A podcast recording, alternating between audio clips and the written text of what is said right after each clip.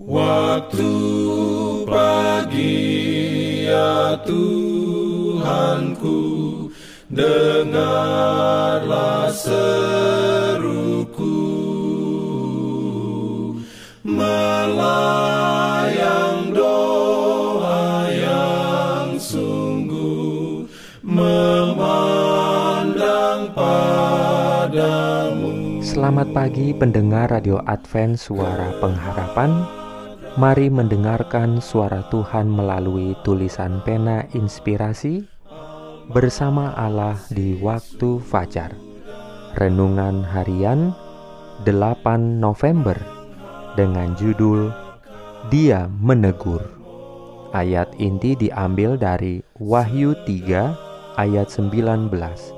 Firman Tuhan berbunyi, Barang siapa kukasihi, ia kutegur dan kuhajar Sebab itu, relakanlah hatimu dan bertobatlah. Beroleh rahmatnya, diberikannya perlindungan dalam pimpinannya. Urayanya sebagai berikut.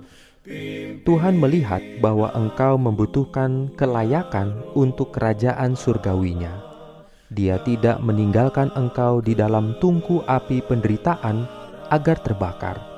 Sebagai pemurni yang memurnikan perak, ia mengawasi engkau, mengamati proses pemurnian sampai dia melihat gambarnya yang tercermin dalam dirimu.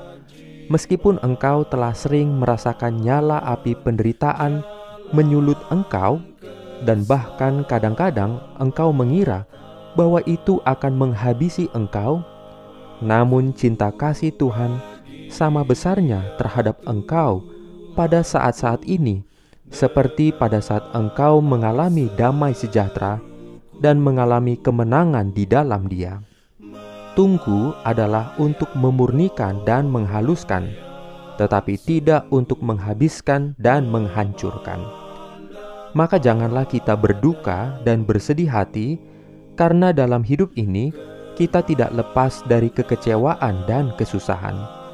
Jika dalam pemeliharaan Tuhan kita dipanggil untuk menanggung pencobaan, marilah kita menerima salib itu dan meminum cawan pahit, mengingat bahwa tangan Bapa yang memegangnya di bibir kita.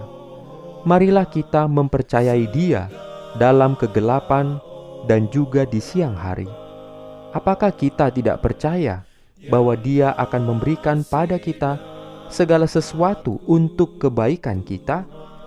Bahkan di malam penderitaan, bagaimana kita bisa menolak untuk mengangkat hati dan suara dalam pujian yang bersyukur ketika kita mengingat kasihnya kepada kita yang dinyatakan oleh salib Kalvari? Dan bahkan setelah orang-orang suci dimetraikan dengan metrai Allah yang hidup, umat pilihannya akan mengalami pencobaan secara individu. Penderitaan secara pribadi akan datang, tetapi tungku itu diawasi dengan ketat oleh mata yang tidak akan membiarkan emas itu terbakar habis.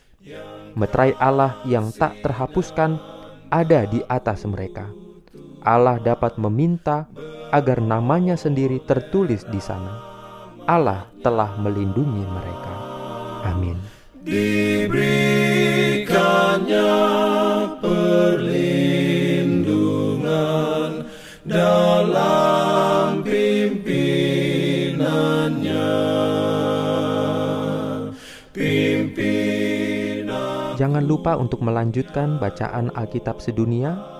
Percayalah kepada nabi-nabinya yang untuk hari ini melanjutkan dari buku Satu Raja-Raja pasal 8. Selamat beraktivitas hari ini.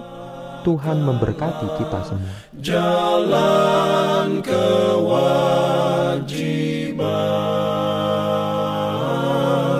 jalan keselamatan.